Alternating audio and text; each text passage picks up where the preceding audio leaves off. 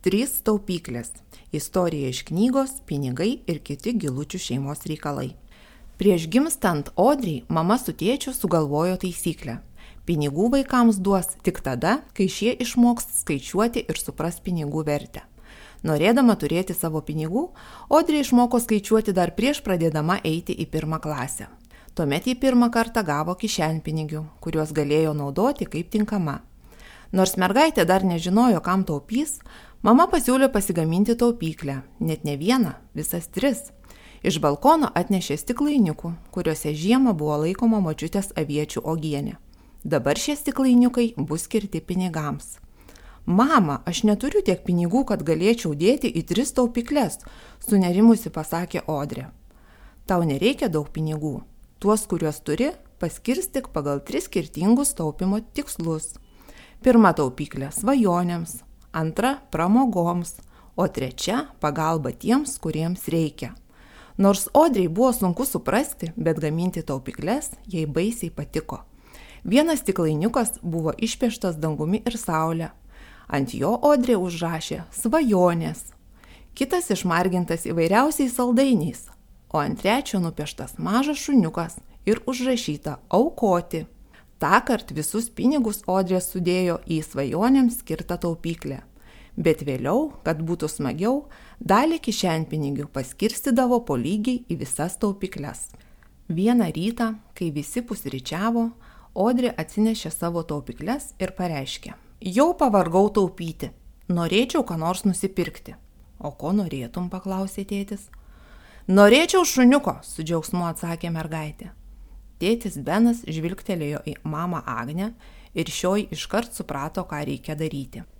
Brangioji, pirmiausia, aplankykime tuos keturkojus, kuriuos kažkas paliko likimo valiai ir nuveškime jiems skanėstų, gerai? Odrė sakė švitėjo ir iš stiklainiuko su užrašu aukoti jau birėjo ant stalo 3 eurai ir 40 centų. Tiek prikaupta per kelis mėnesius ir tuoj bus išleista geram tikslui. Kad išeitų daugiau skanumynų, tėtis pridėjo dar kelis eurus, o mama visus centus iš savo piniginės. Artimiausioje gyvūnų parduotuvėje gilučiai nusipirko maišą gyvūnų ėdalo ir vieną žaislinį kaulą. Dar po akimirkos visi jau buvo šuniukų prieglaudoje au au au. Prieglaudos darbuotoja vedžiojo šeimyną rodydama, kokius gražuolius šuniukus žmonės tiesiog atiduoda. Benas tokioje vietoje buvo pirmą kartą. Agniai spaudė širdį nerūpestingas žmonių elgesys su gyvūnais. O Odrė su broliu iškart pamatė šuniuką, kuriam panoro atiduoti viską. Buvo toks liūdnas, toks išsigandęs, kad norėjosi jį paimti ant rankų ir niekada nepaleisti. Jam ir atiteko kaulas, o šunų ėdalą darbuotoja pažadėjo padalyti visiems šuniukams po lygiai. Grįžusi namo, Odrė daugiau apie nieką negalvojo, tik kaip padėti tam mažam išsigandusiam padarėliui.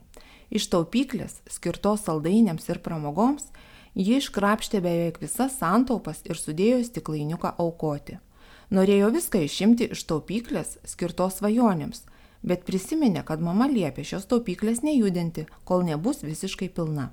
Ji kiekvieną dieną prašė tėvų aplankyti šuniukus, piešė jiems piešinius, atkakliai taupė ir tikėjosi pradžiuginti savo mažą liūdną naują draugą. Kol kartą įvyko stebuklas. Na bent jau Odrė iki dabar tai laiko didžiausių stebuklų gyvenime. Vieną dieną po darbo pro duris įėjo tėtis.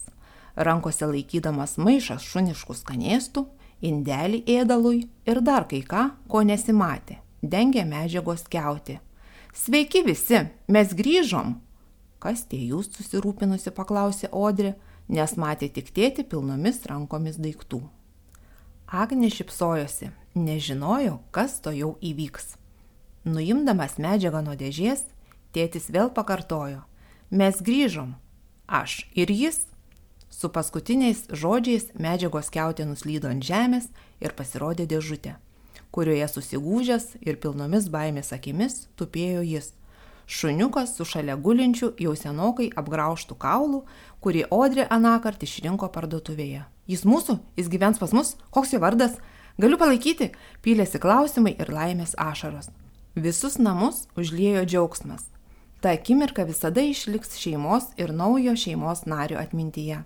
Tai buvo jausmas, kurio už jokius pinigus nenusipirksi, lik pasaka su gražiausia pasaulyje pabaiga.